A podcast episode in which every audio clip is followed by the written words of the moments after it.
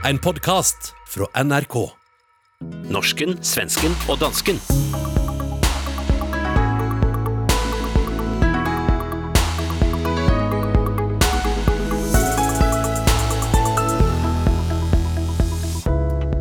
Nytt svensk medium skulle revolutionere svensk journalistik.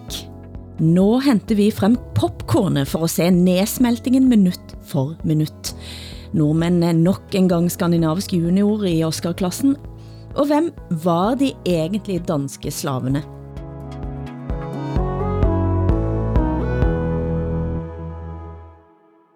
Det er nogle av temaerne vi tar for oss på chesselangen i dagens skandinaviske familieterapi. Eh, Åsa, hvad har siden sist? Det är ett och ett halvt år kvar till valet här i Sverige och eh, eh man kan säga att temperaturen höjs och tonläget skruvas åt. Eh, Stefan Löfven har blivit intervjuad i det här um, debatt, eller intervjuprogrammet som heter 30 minuter på SVT och det var 30 minuters angrepp på Sverigedemokraterna deras antidemokratiska traditioner. Och nu har Jimmie Åkesson svarat med att Stefan Löfven är en envåldshärskare. Alltså det är, kommer bli en shitshow utan dess like de här 18 månaderna som är kvar till, till valet. Og hvilke adjektiver kan man komme til at finde frem i løbet av den tiden, hvis det allerede begynder sådan? ja, det är en väldigt bra fråga. Jag vet inte om det finns några starkare ord som man kan tillgripa mot varandra än så här egentligen. Hassan, hvordan står det til?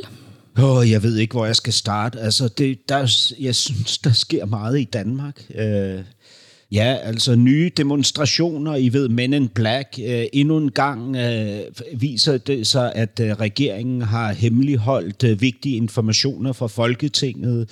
Øh, jeg synes, der er hvad hedder det, stor aktivitet, øh, som øh, min stakkels lille hjerne ikke kan følge med til. Men du har jo ofte ledd av at øh, svensker og nordmænd ikke kan købe alkohol på butikken. Er det det, som er på vej nu i Danmark også? Jeg synes, jeg har læst noget om det i, eh, i en avis. Ja, det er rigtigt. Øhm, der er et øh, udvalg i øh, den øh, københavnske administration, som har foreslået, at der i, i København skulle sættes grænser for blandt andet salget af alkohol i øh, dagligvarerbutikker og kiosker, altså at man ikke kan købe alkohol efter et bestemt tidspunkt. Øhm, og det, det er politikere, som man ellers vil beskrive som meget festglade, som står bag det her. Altså øh, politikere fra enhedslisten og alternativet. Ikke? Øh, og nu er der så, foregår der så en politisk øh, debat frem og tilbage om, hvorvidt det her er poetansk eller øh, rimeligt.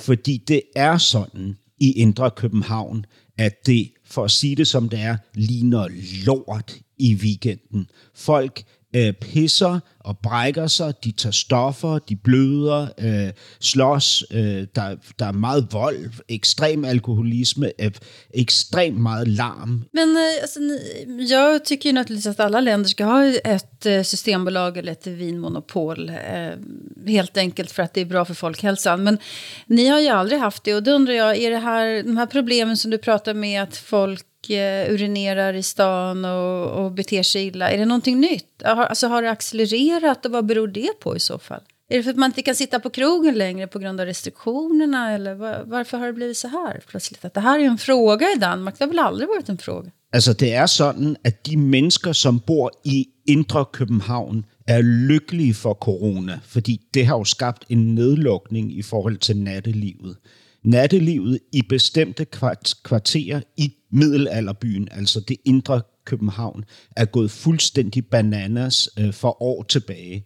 Og det er billige barer med billig alkohol, det, det er gadefester, øh, som bliver øh, øh, understøttet af alkohol, man køber i 7-Eleven og så videre. Ikke? Øh, øh, boomboxe øh, på et hvert hjørne og så videre. Det er, er, det, er det den lite finare medelklassen som inte står ut med att, att uh, lite fattigare folk dricker bilsprit då? Eller? Alltså jag undrar ändå varför kommer det här nu? Är det för att, för att Köpenhamns innecentrum har gentrifierats plötsligt? Eller? Nej, men altså debatten har raset længe øh, i København. Det indre København er, er helt klart øh, gentrificeret. Altså det er, hvad hedder, det er den øvre middelklasse, der For længe derinde. siden. Ja, ja, for länge siden. Ja. Ja, men vad spännande. Jag håller tummarna verkligen för att ni får ett, eh, alkoholrestriktioner. Det, det, det skulle ni må bra av i Danmark faktiskt. Men ellers i Hassan og også, så kan jeg melde om op, op til flere nordmænd nå ønsker sig fredagsfasan i stedet for fredagstaco Yes! etter sidste ukes norsken, svensken og dansken. Og en lytter, en kvinde, poster jagtbilde med selvskudt fasan. Ja, Men det är vilda fasaner som ni, alltså ni har inte fasanodlingar och sådär, utan ni har vilda Jamen, fasaner som man skjuter. findes der... For du kan jo ikke gå rundt og skyte fasan i gatene, Hassan. Jamen, Vad kostar en fasan? Vad kostar det att köpa, spisa en fasan för en fredagkväll? jeg kan mærke, at I mobber mig med... Nej, dette er utelukkende ren jalousi og misundelse. Ganska exklusivt måste det väl ändå vara, eller? Jeg, jeg synes ikke, fasaner er specielt dyre. Nej, okay. altså, Nej, nej. De, de koster ikke så meget.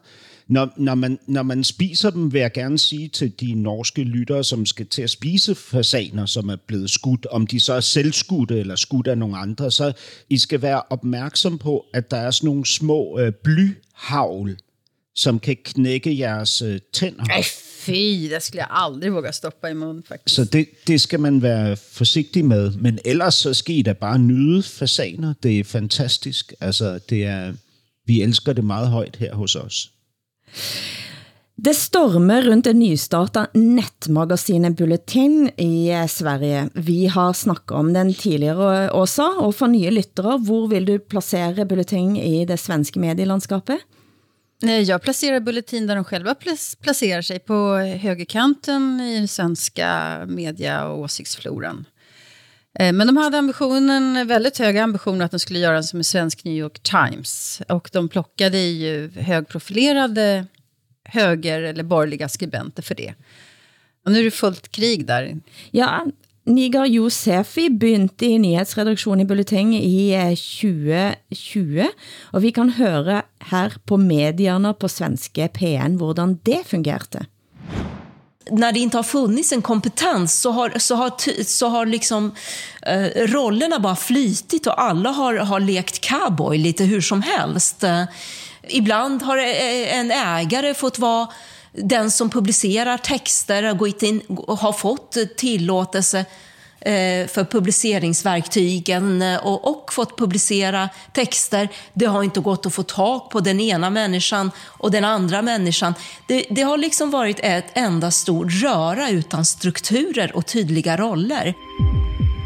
Nu ska vi ha en väldigt viktig poäng här. Vem la ut i princip varenda artikel Bulletins lanseringsdag? Det här råkar en av oss veta som är med här och det är Henrik. Vi alla vet att det var du och du gjorde ett hästjobb de första dagarna. Det är inte poängen här Ivar. Poängen var att jag hade Poängen fått delegeringsuppdraget av Paulina att vid, vid behov lägga ut artiklar. Sen går hon och säger att jag har aldrig gett dig det här uppdraget Pontus. Det är klart att du hade Paulina. Du har aldrig dragit in uppdraget.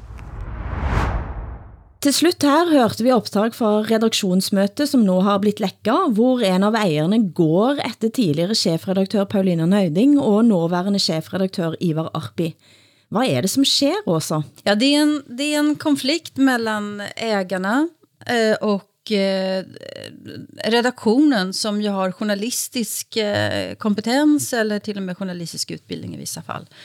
Och det handlar alltså om att eh, vi i Sverige har någonting som heter ansvarig utgivare och det betyder rent juridiskt att den som är ansvarig utgivare är den som ensam eh, får, får ta på sig eh, alla publiceringsfel så att säga. Eh, och då kan helt enkelt inte det som har hänt nu, att en av ägarna lägger ut en text utan ansvarig utgivares medgivande. För att det skulle vara något fel på den där texten så är det ansvarig utgivare som åker dit på det. Och det här har vi alltså, vi ser att det är ägare med väldigt starka ambitioner. De vill få ut någonting av den här satsningen politiskt, ideologiskt. De vill förändra Sverige. Och sen så har vi en mer professionell redaktion som kanske egentligen har samma politiska ambitioner, förmodligen. Men, men som ändå vill hålla på den journalistiska integriteten.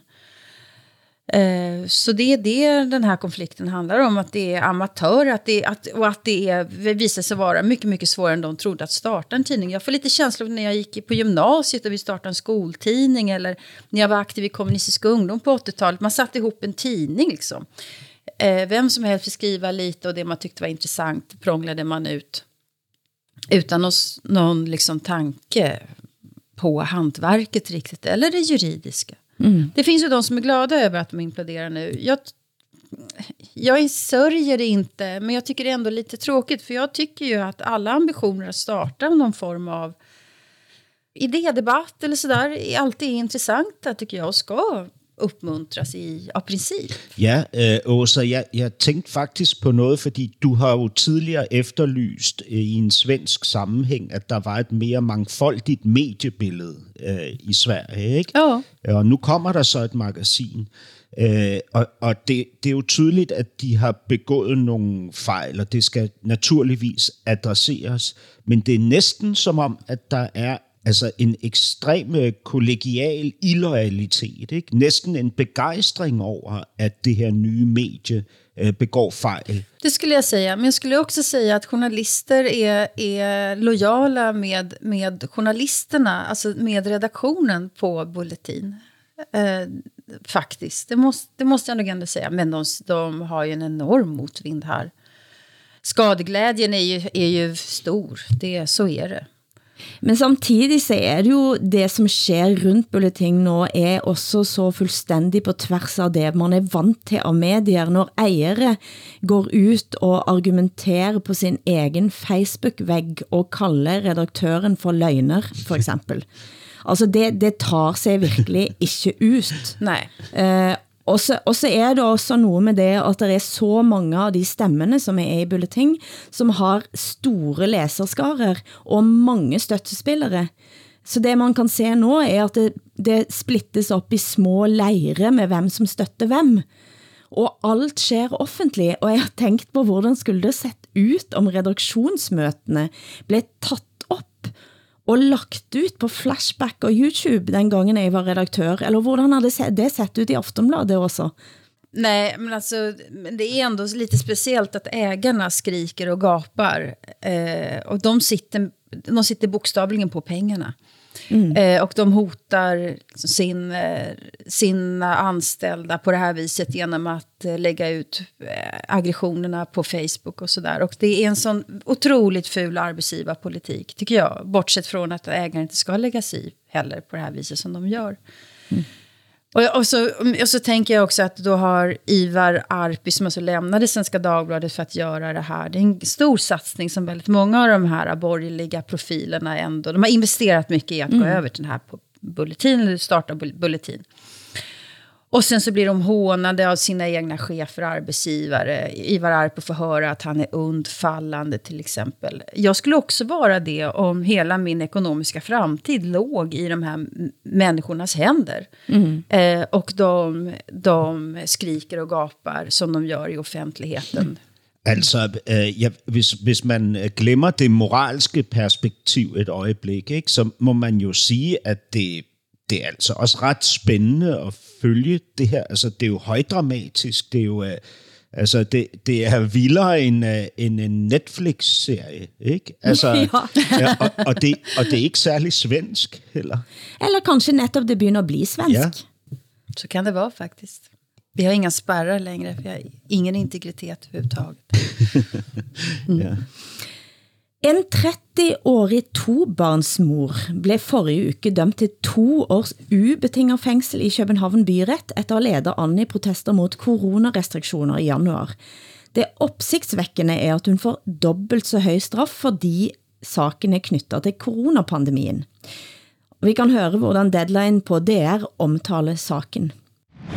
Trine Maria Ilsø, DR's retskorrespondent. Du har dækket både Men in Black-demonstrationerne, hvor den her kvinde blev kendt for at sige, sådan her, lad os lige se. Okay, er du sindssygt? Det ser for vildt ud, det her.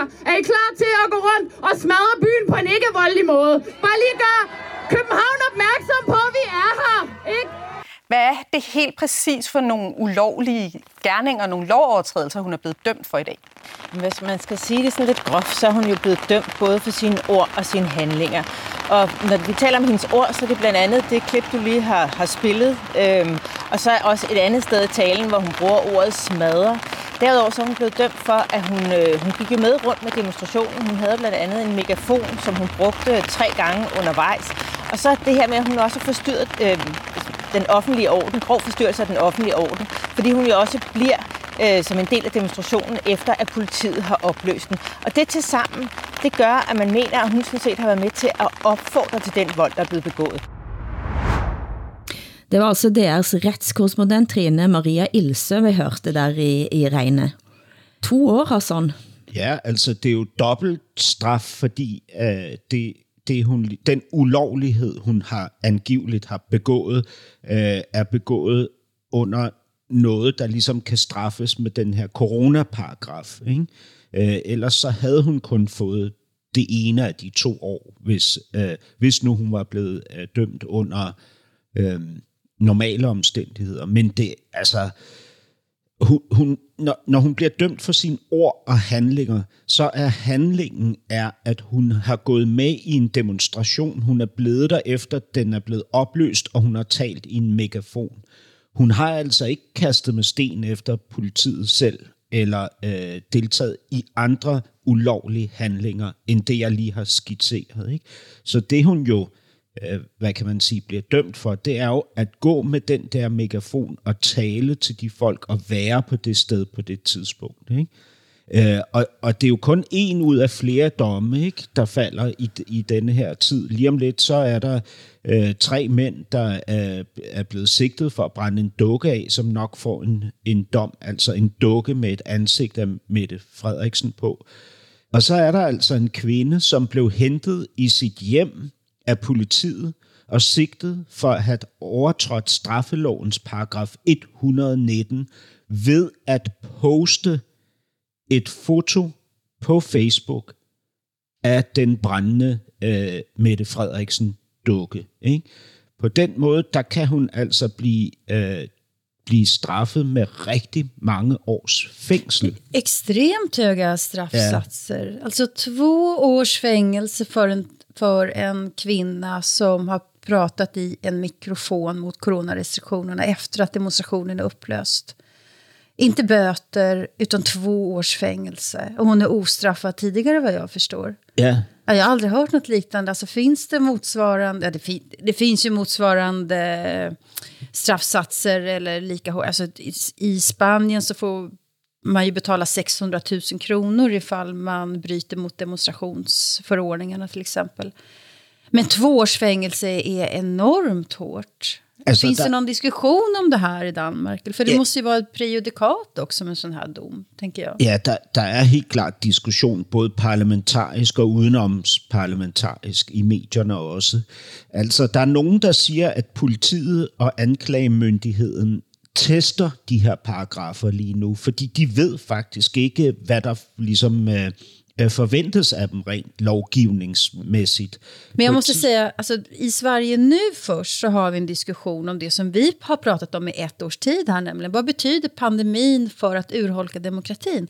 Och här är ju ett väldigt tydligt exempel, alltså om, om man får två års fängelse för att man pratar in meg megafon efter att en demonstration som inte var våldsam är upplöst då är det ett allvarligt hot mot de demokrat demokratiska fri- och rättigheterna, Al skulle jag säga, som är det häpnadsväckande. Ja, det, det endte jo med at blive en voldsom demonstration. Der blev kastet med, med ka øh, kanonslag Aha, okay. og sten efter politiet. Okay. Men stadig, det er, en, altså, det er en uhørt hård straf. Ikke? Og, og det, der bliver så svært at skille mellem, det er, hvad, hvad, jamen vil det sige, at, at du kan faktisk have en parallel demonstration, som... Øh, er, ja, hvad skal vi sige, for fri has eller mod islam, øh, hvor der bliver begået de samme ulovligheder, men de demonstranter vil blive idømt den halve straf af, af coronademonstranterne. Der er noget... Øh, altså, det, jeg, jeg kan ikke forestille mig, at det var det her, der var meningen med de paragrafer. Nej.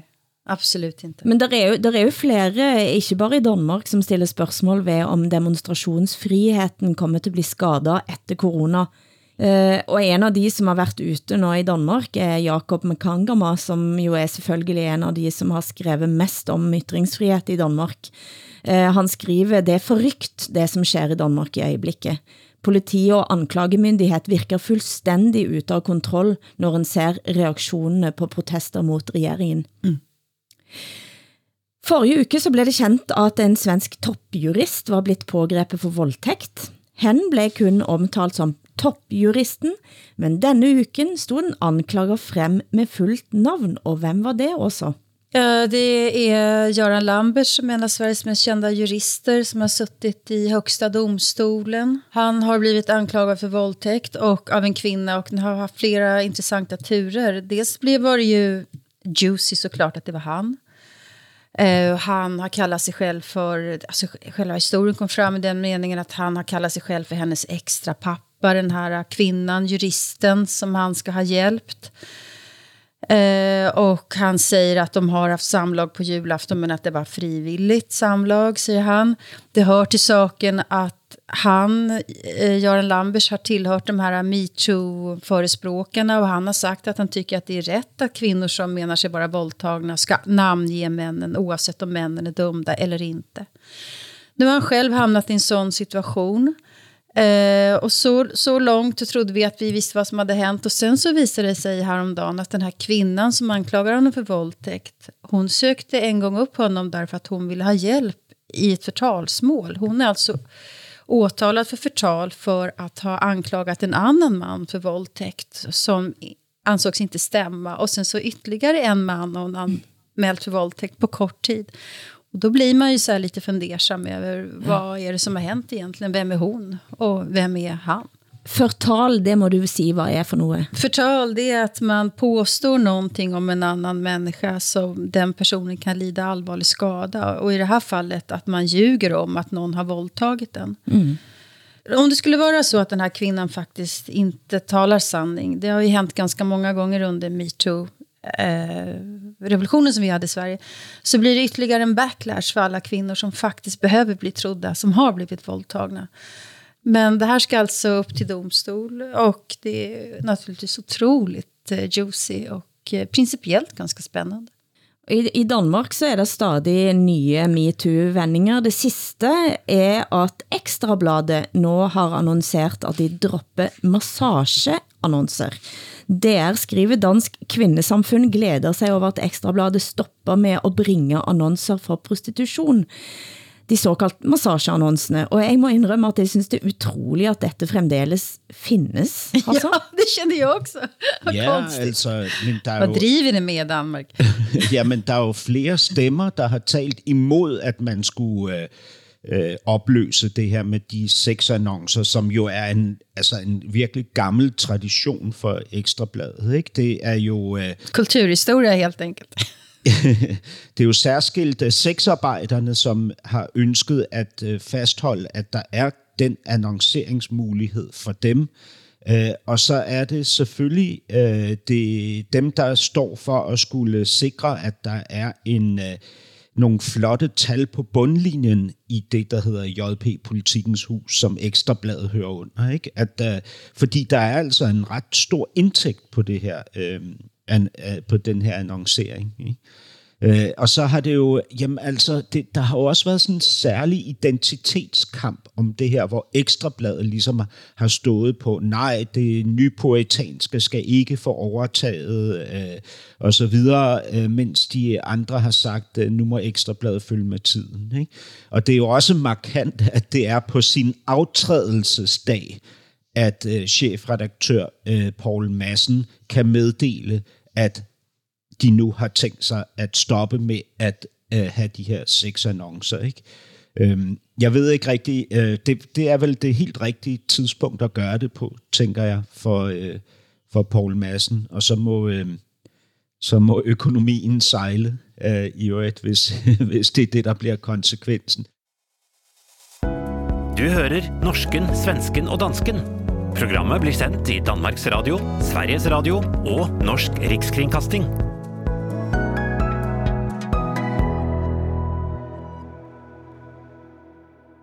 Vi må snakke om de skandinaviske IS-barna som nå vokser op i fangelejrer i Syria, for her sker det mye i alle våre tre land om dagen.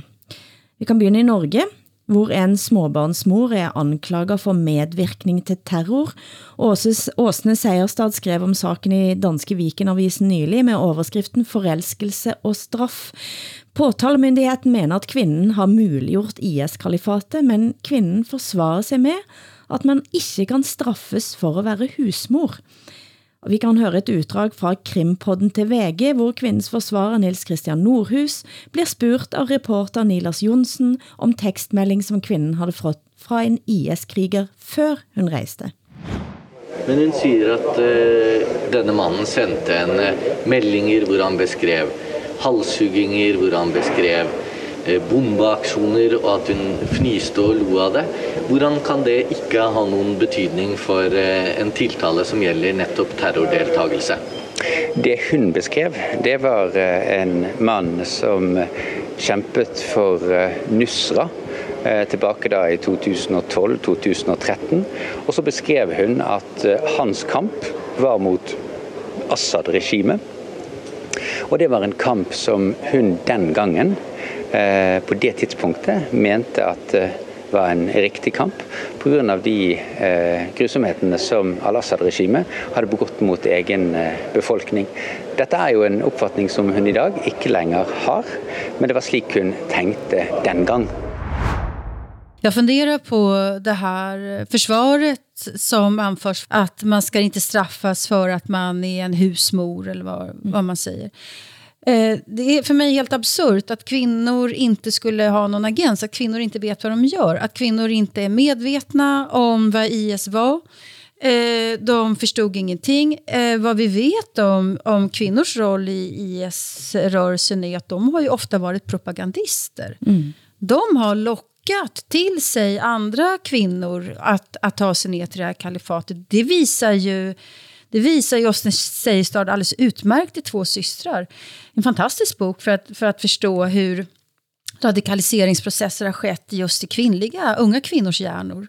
Mycket medvetna, intelligenta två unga kvinnor som, som vet vad de gör när de tar sig ner dit. Uh, och jag är jättetrött på det här med att vi kvinnor inte ska anses kunna, att, att vi inte vet vad vi gör, att vi är så aningslösa och så vidare. Det är, det är förnedrande som kvinna, tycker jag, att få höra sånt.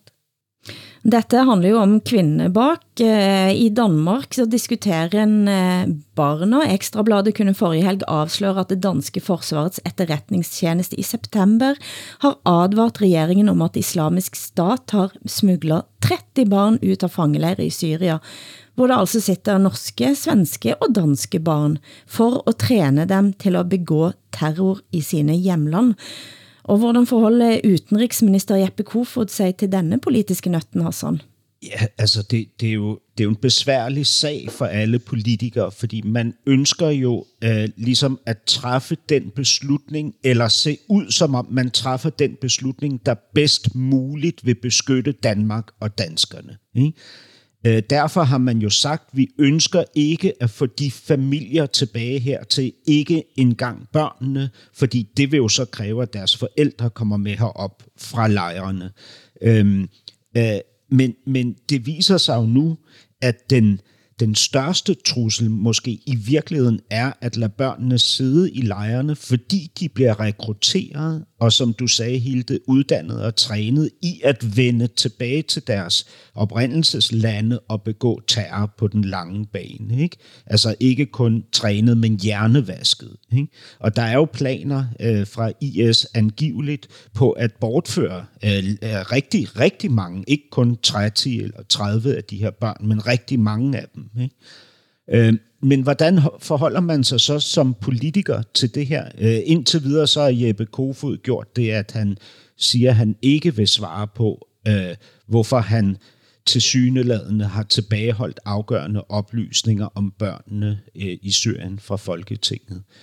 Øh, det bliver spændende at se, hvordan det udvikler sig. Det er jo... Øh, Ja, ja, det er jo sådan et e- ekstra perspektiv i det, ud over det moralske perspektiv, eller det etiske perspektiv, så er der jo det her trusselsperspektiv, ikke, som vi nu skal forholde os til saken med den norske IS-kvinden eh, blev jo så betent den gangen, da hun og de to barna blev hentet fra flygtningeleir, at Siv Jensen faktisk gik av. Eh, den gangen så var det også fordi han, den, særlig den ene av de to barna var veldig syk. Eh, og en hentet de ut, fordi det også er norske barn. Hun står jo tiltalt for at have medvirket til terror, og det vil jo bli interessant at se, hvor, eh, hvor den saken ender ut. For en ting er, hvad disse mødrene har gjort, og en anden ting er også, hvad de barna, eh, som ikke blev bedt om at bli født ind i en IS-familie. Hvad gör man med de? Nej, vi, måste, vi måste betrakta dem som våra barn helt enkelt. Att de ska hem och att vi ska hjälpa dem till, till någonting annat. Ja, det, ja det, det synspunktet deler jeg. Og så synes jeg også, det er uhyre interessant at følge retssaken nå i Oslo. Eh, denne kvinden, som nå står tiltalt, hun er nå 30. Og hendes radikaliseringsproces begyndte jo ganske tidlig i ungdommen, men skjøt altså fart efter at hun blev student med Universitetet i Oslo, altså Oslo Met mm. Universitet. Ja, eh, og, og, og, og det at følge en ung hjerne, som på en eller anden måte begynder at ta til sig voldsomt budskap, for så at rejse til Syria og bli forelsket i en mand, som utøver grotesk vold, som hun vet mm. om. Mm. Men som nå står altså som en og snakke som en vanlig tobarnsmor. Og mm. det jeg også tænker er, at det står, at hun har været gift med tre IS-mænd, som alle var voldelige, og som alle fra tog henne eh, frihet, eh, og som hun rømte fra. Hvilket liv og hvilken historie er det hun har med sig? Ja, hon har en fantastisk historia att berätta naturligtvis som vi, som vi måste få höra. Men, men även om hon har hållits fångad... Men, hon ska, men ska la dömes? Mm. Ja, det är klart hon ska dömas. Eh, hon har ju begått brott som, som propagandist om inte annat. Mm. Eh, det, det har ju de flesta av de där kvinnorna gjort. Och eh, som sagt, hon, hon har vetat hela tiden vilka män hon har varit gift med och vad kalifatet går ut på. Før jul så kom det frem at ingen av de 150 IS-tilbakevendere som var returneret til Sverige var blitt tiltalt. Og vi kan høre her hvordan saken blev omtalt på Nyhetsmorgen. Nyheterna kunde ju igår berätta om att ingen av de 150 IS-återvändarna till Sverige har åtalats för brott och att kristna assyrier i Sverige nu fruktar att IS-återvändare kan utgöra ett allvarligt hot mot dem. Vi säger god morgon och välkommen till nyheternas reporter Per Hermarud som rapporterat om just detta. Ja, god morgon Per, vad, vad handlar det här om egentligen? Ja, den här assyrierna är en av de kristna grupper grupper som har blivit ganska hårt åtsatta av IS eh, nere i Syrienkriget. De har blivit, eh, IS har attackerat eh, flera byar, kidnappat hundratals personer, mördat folk, haft dem som sexslavar ungefär. Eh, man kan jämföra med de här yazidierna ungefär. Så det har varit en grupp som varit ganska hårt åtsatt. Mm. Och I Södertälje bland annat så bor det ganska många assyrier som då har släkt och vänner nere i Syrien som, som är drabbade av det här. Og i fjor kom det frem at med flere av de som var kommet tilbage og eh, fik pengar fra staten blandt andet for at drive skole også. Ja, det är klart att det är provocerande eh, for för väldigt många att de kommer, man kommer tillbaka, man får en bostad och man eh, erbjuds ett arbete och, och så vidare. Det är provocerande å ena sidan. Å andra sidan, hur ska man få in dem då i samhället igen? Mm. Så om man inte straffar dem, hur ska man göra? och så där? Vad är bästa sättet att avradikalisera dem? Jag har ingen svar på det. Mm. Men jag förstår, jag förstår att folk blir förbannade också. Naturligtvis. Framförallt om de har rätt att, att grunda skolor. I Sverige får vem som helst bilda, grunda en skola. Det är inte klokt ju. Altså, det skaber nogle grotesk øh, store øh, etiske dilemmaer, ikke? Som, mm, som, vi jo, øh, som vi meget sjældent oplever i vores del af verden. Ikke? Altså, det har vel nærmest ikke været siden 2. verdenskrig, at vi skulle forholde os til ting med en, øh, som indeholder så meget voldsomhed som det her. Ikke? Og hvad gør man? Jeg kan heller ikke komme med et klart og tydeligt svar. Og jeg vil ikke være den udenrigsminister, som henter børn og forældre hjem til Danmark, og så siden være ansvarlig for, at en eller flere af dem øh, begår et alvorligt terrorangreb herhjemme. Altså, det vil jeg ikke være. Og samtidig så kan jeg nærmest ikke holde ud, at de her børn skal lide på den måde, de gør i de der frygtelige lejre, de sidder i.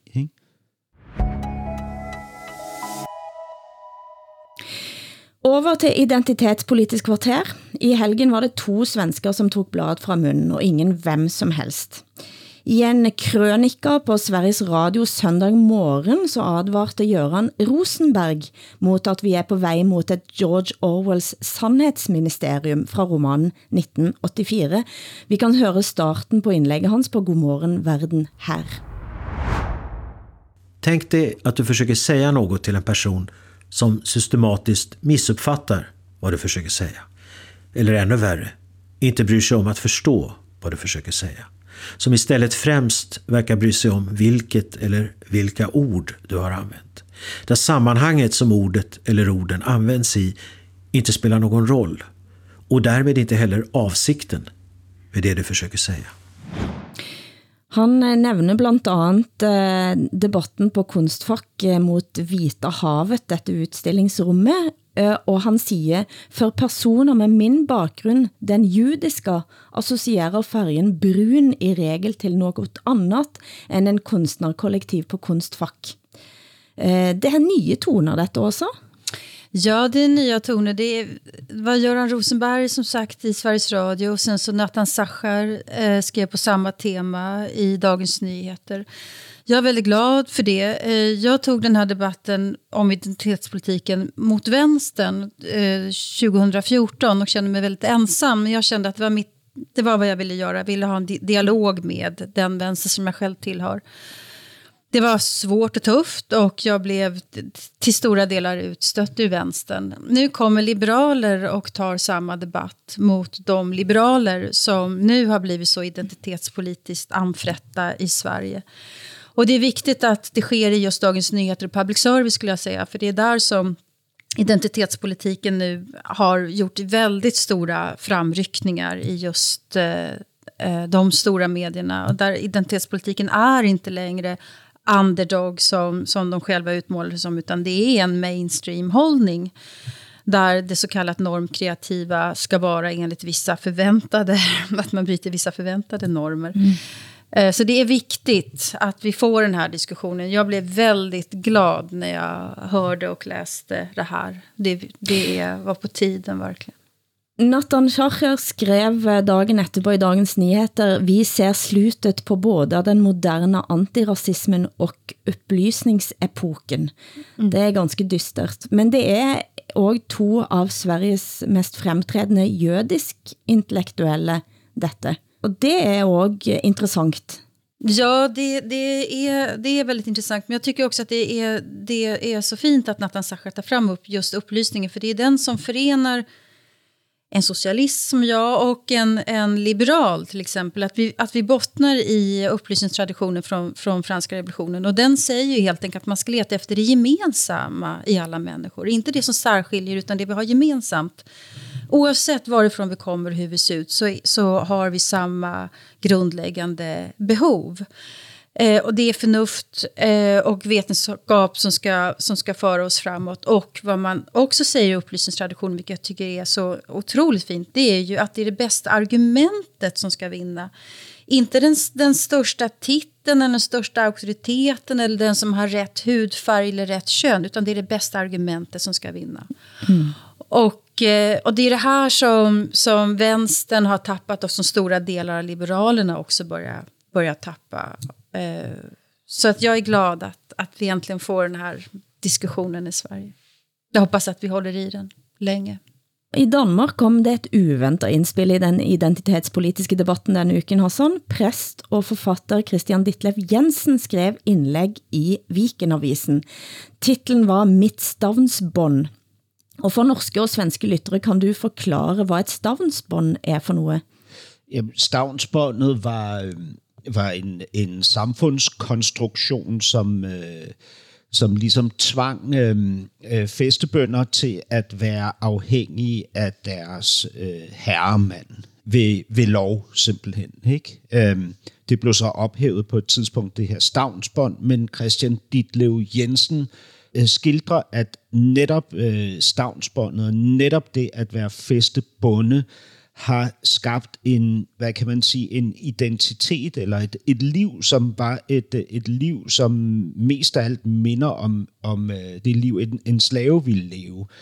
Mm. Og i øvrigt så, øh, og hvilket jeg øh, nok synes er det mest interessante i, i hans øh, kronik der i Weekendavisen, øh, så mener han også, at, at det ligesom har trukket tråde frem i nutiden. Han skildrer sin egen far, øh, og han skildrer sig selv. Ikke?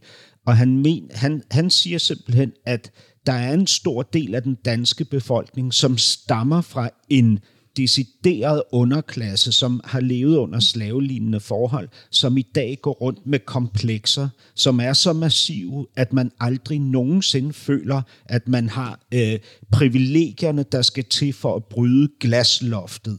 Vi kan høre Ditlev Jensen her på Deadline blive spurgt om sammenligningen mellem det at være slave og det at være såkaldt festebonde.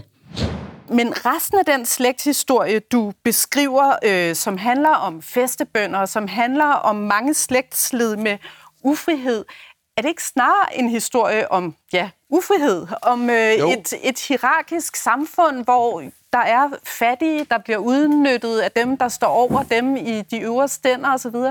Det vil ikke nødvendigvis det samme som at være slaver?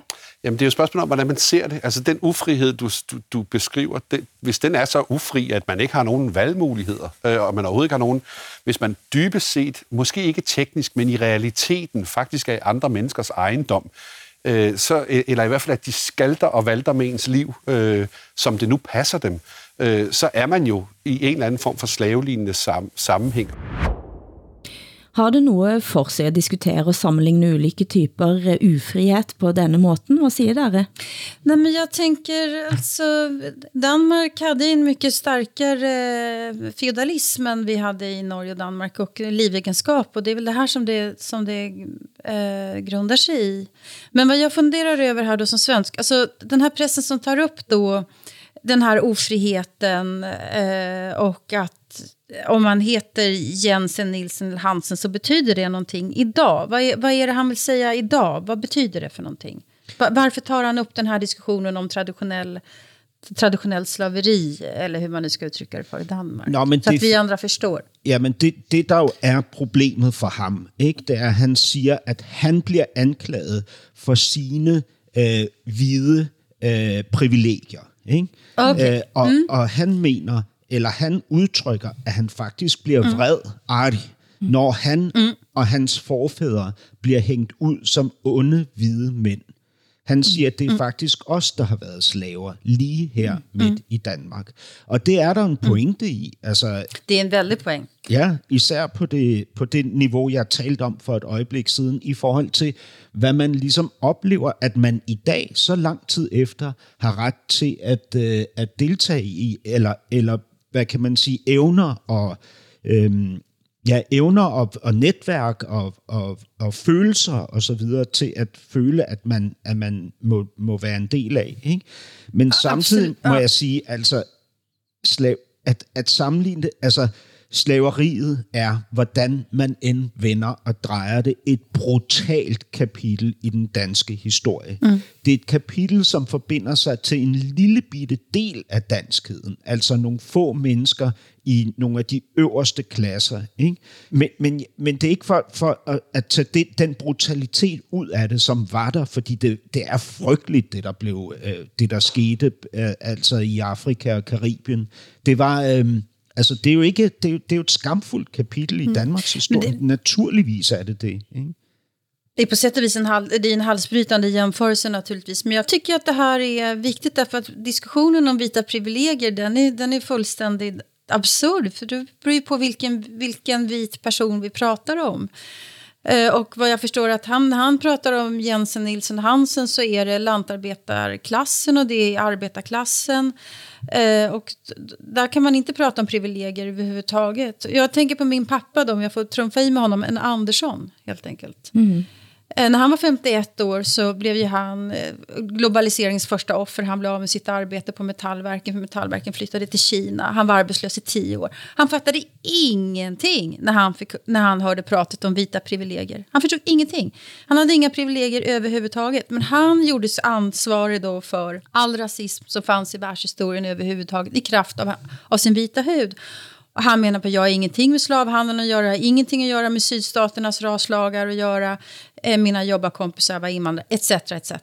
Och det här pratet om vita privilegier, när vänstern håller på med det, vita, det här snacket om vita privilegier så, så gör man bara vad hela eh, begreppet från början syftade till, nämligen att splittra vit arbetarklass från, från eh, invandra, invandrarna eller de svarta eller vad, vilket, vilket begrepp, rasifiera, kalla det vad du vill, icke-vita. Att man ska splittra de här grupperna. Och det är precis vad vänstern gör och det är helt absurt faktiskt. Ja, fordi identiteter kan jo ikke skæres op så banalt, som man forsøger. Altså, tag mig, som, tag mig som eksempel. Jeg er brun, ikke? Jeg hedder Hassan.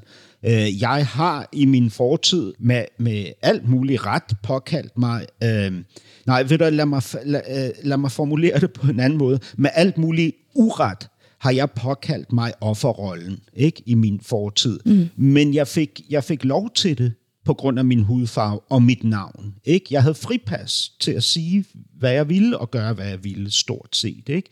Hvis nu Christian øh, Ditlev Jensen skulle angribe mig, øh, hvilket han ville kunne gøre med lethed, ikke? så ville det jo netop være, at jeg, jeg er det privilegerede menneske i ligningen Christian Hassan. Ikke? Fordi jeg er vokset op med med forbindelse til overklassen i Danmark, og med forbindelse til overklassen i Pakistan og så videre. Ikke? Og derfor mener jeg, at vi bliver simpelthen nødt til at stoppe det der, øh, det der med at gøre identiteter til noget, man føler sig som. Ikke? Identiteter er komplekse størrelser. Det bliver idiotisk det andet, reducerende. Ikke? Mennesket er mere værd end det. Og jeg tænkte, jeg tænkte også på min egen, eh, på min egen historie, da jeg læste denne Stavnsbånd-artiklen i Vikenavisen. Jeg kommer fra en pitteliten gård med små bønder i Norge. Eh, og det at være småbonde i Norge betyder at man kan eje en liten flæk med jord, men den kan være karrig, den kan være næsten ubrukelig til at dyrke på eller til at drive skog på, men du, har en, du ejer en liten liten flek med jord. Eh, og det, i det så ligger det at man er selvejende. Eh, og eh, Ditlef, eh, Christian Ditlef Jensen, han beskriver jo, hvad som skedde med hans familie i det øjeblikket hans farfar, tror jeg det var, eh, var i stand eller kunne købe en liten flek med jord. Og i det låg stoltheten. Stoltheten men också tryggheten att äga själv. Ja. Naturligtvis. Man är inte lika utsatt längre om man bara ska sälja sitt arbete. Altså, jeg, jeg, jeg synes, det er meget mere interessant, at der på tirsdag kommer en ny stor undersøgelse, som øh, bliver offentliggjort af Rockwool-fonden og, og den amerikanske topøkonom James Hackman, som i øvrigt er en Nobelpristager. Øh, de stiller en dyster diagnose for Danmark i forhold til den sociale mobilitet. Altså, det vil sige, mm-hmm. at du hvis du fødes af fattige forældre, så bliver du fattig. Hvis du fødes af uuddannede forældre, så bliver du uuddannet, og så videre. Ikke? Det synes jeg, der er en langt, langt mere interessant diskussion. Du hører norsken, svensken og dansken i SR, DR og NRK.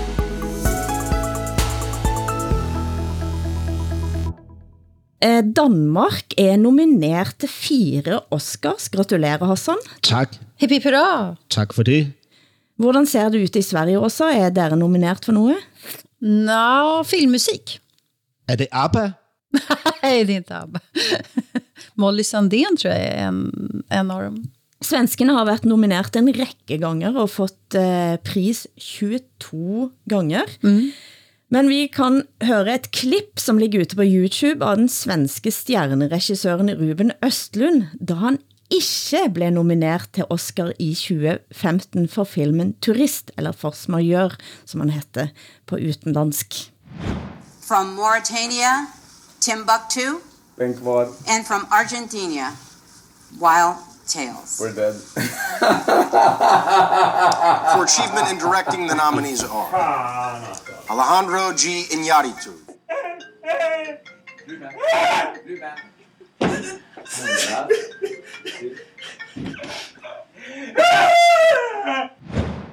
dette er altså et kort utdrag fra en lang video, som Østlund tog op og sendte til filmcrewet efter at de var snytt for Oscar-nominationen.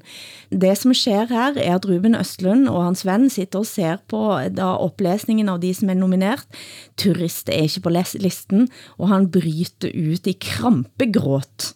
Nej, men det är befriande att, att en konstnär vågar erkänna sin besvikelse. Även om han gör det med glimten i ögat så är det klart att det bottnar i ett allvar att han hade velat bli nominerad. Og sen bare vise de känslorna. Jeg tycker det er flot. Altså et øjeblik senere i det her klip, øh, så går de ligesom ud af billedet, og så hører man hans øh, kompagnon sige til ham, til Ruben Østlund, nej, nej, du skal ikke tage tøjet af. Så man forestiller sig ligesom, at han, han er ved at afklæde sig alt sit tøj, og lægge sig ned på gulvet ude på badeværelset på sit hotel, og skrige og græde i fortvivlelse og frustration. Ikke? Og prøv at høre, jeg, jeg er jo kunstner, jeg har jo stået mange gange i sammenhængen, hvor øhm, mm. jeg kunne have fået en pris, øh, og jeg har øh, oplevet at få den enkelte gange, men langt de fleste gange har jeg jo ikke fået den. Øh, og, og jeg må bare sige, det er lige præcis sådan der, man har det. Mm. Uanset hvad man gør og siger i øvrigt, ikke? hvilken facade man kan stille op, så er det her det egentlige, øh, den, den egentlige tilstand. Det, viktiga är inte, det viktiga är inte att vinna, utan det är att man är snyggast av alla som förlorar. Jo, men, jo, men hvad er det for noget bullshit? Jeg, jeg, synes, jeg synes, at vi tabere, vi skal til at være taber på en meget mere dramatisk måde. Altså, vi, Ja. skal, vi skal ikke forsøge at være stolte mm. losers. Ja, det altså, tycker vi, också. Vi skal, vi skal Nej. gå amok, som Ruben Østlund gør. Altså, øh, det, er, det er en stor inspiration Absolut. for mig, at han giver den gas på den måde. Jeg har tænkt mm. mig, i fremtiden, hver gang jeg taber noget, så skal mit nederlag være udtrykt så dramatisk som overhovedet muligt. Mm. Men vi kan snakke om, hvad som kan ske med druk, da, eh, hvis man ikke nå vinner en Oscar. Jamen, jamen altså, ja, øh, for, for mit vedkommende, jeg er fuldstændig ligeglad, for det er jo ikke mig, der har lavet druk. Altså, øh, så, så jeg håber naturligvis på, at de ikke vinder prisen. Øhm, fordi det er ikke mig, der har skrevet den. Og hvorfor ringede de ikke? Hvorfor ringede de ikke til mig? Men varför, miss, varför missunnar du några som har gjort en sån jäkla bra film? Det fattar jag inte. Det handler ikke om kvalitet, det handler om opmærksomhed, succes, anerkendelse, beundring. Den vil jeg have. Och då, och, Jeg vil have mere. och då tävlar du med dina landsmän bara då? För jag menar, om inte, om inte Druck vinner så vinner ju något, någon film från något annat land. Men det är helt fine för dig. Eller tycker du att man bara ska dela ut priser de åren du kan vinna? Jamen, det, er jo- det er jo det, der er så... så det, Vad menar du? Det är en fantastisk film ju. Men nu har jeg jo lige sagt, at jeg vil være ærlig omkring min forbitrelse, ikke? Så Ja, jeg, øh, hvad hedder det, jeg er jo ikke stolt over, at det forholder sig sådan. Men inde i mig, i et lille hjørne af mig, så tænker jeg, at jeg vil hellere have, at druk ikke vinder, end at druk vinder. Fordi hvis druk vinder, så går der øh, en flok danskere rundt herhjemme, som har haft kæmpestor global succes, ikke? Og det vil jo få mig til at se lidt mindre ud, end Akkurat i øjeblikket, så kan jeg jo være den tapende nordmannen, fordi vi aldrig eh, vinner Oscar. Vi, vi er nomineret nå for en kort dokumentar. Vi, Anders Sømmerhammer, er nomineret for en kort dokumentar om protestene i, i Hongkong, og jeg selvfølgelig jeg håber ved hele mitt hjerte at han skal vinde, også for han er god da. Men jag tycker det är så intressant för att jag, jag har för mig att Norge har som uttalad filmpolitik att den syftar till att ni ska vinna internationella priser. Ja. Vad gör ni för fel? Altså, poenget er at vi havde flere tiårs eh, etterslæp, eh, der danskene bygger op en stærk filmindustri eh, industri allerede tidlig på 1900-tallet, så er det faktisk sådan at med en svensk filmpolitik har været at en, hvis du tjener penger på svensk film, så går det tilbage til svensk film. I Norge var det veldig længe sådan, at det man tjener på film går tilbage til anden kommunepolitik. Altså, Hilde, det, det her det er den mest komplicerede forklaring på, at man ikke har vundet nogen priser, jeg, Jag, jag kände också, jag var inte helt, inte helt övertygad, för jag kan ingenting om dansk filmpolitik, men, men dansk film är ju framkant verkligen. Svensk filmpolitik har nog kanske varit progressiv och, och bra och sådär. Men filmerna är ju skitdåliga just nu, ärligt talat. Har varit länge. Alltså. Det hänger... Men det kanske är så att ni måste göra en annan sorts film i, i Norge. Kanske inte ska hålla på med så här uh, nationsbyggande projekt som alla era filmer handlar om. Eh, Tor Seijer, vad fan heter han? Heyerdahl. Nansen och allt ni gör film om. Atlantic Crossing, det är, ju- det är ju bara pajas, konster helt enkelt. Ni kanske ska göra en annan sorts filmer som är Vi har ingen, vi har ingen träning. Okay, men, men bara- Er filmpolitik går ut på att vinna priser och sen så liksom st- stärka den, den stora norska identiteten. Liksom. Jeg tror det är fel, helt fel väg att gå om man vill vinna en Oscar. men må jeg, sige, jeg, jeg vil alligevel sige, jeg, jeg, jeg foretrækker trods alt, at, øh, at øh, hvad hedder det, filmen som druk, som jo faktisk er rigtig god, at, Ja. ja. at den vinder to Oscars frem for, at Norge og Sverige skulle vinde dem. Altså, Det kunde man ge sig fan på att det skulle landa där till slut ändå, Hassan. Det var sidste ord i dagens sending. Producent har været Henrik Hulland Ulving, tekniker Espen Morild. Tak til Åsa Linderborg i Stockholm, Hassan Preisler i København. Mitt navn er Hilde Sandvik fra Norge. Og hvis du ikke har fået hørt tidligere sendinger, sjekk ut en av våre tre podcast-feeder eh, hos NRK, SR eller DR, og vi høres igen om en uke. Du, du, du, det är lugnt. Andas, andas, andas, andas. Andas. Nej, nej. Ta inte av dig, ta inte av dig. Ta inte av dig. Sitt, sitt, sitt. Mm, ta inte av dig.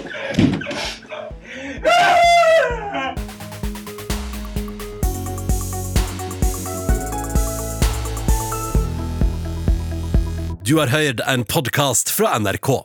Du kan nå høre flere episoder av denne serien i appen NRK Radio.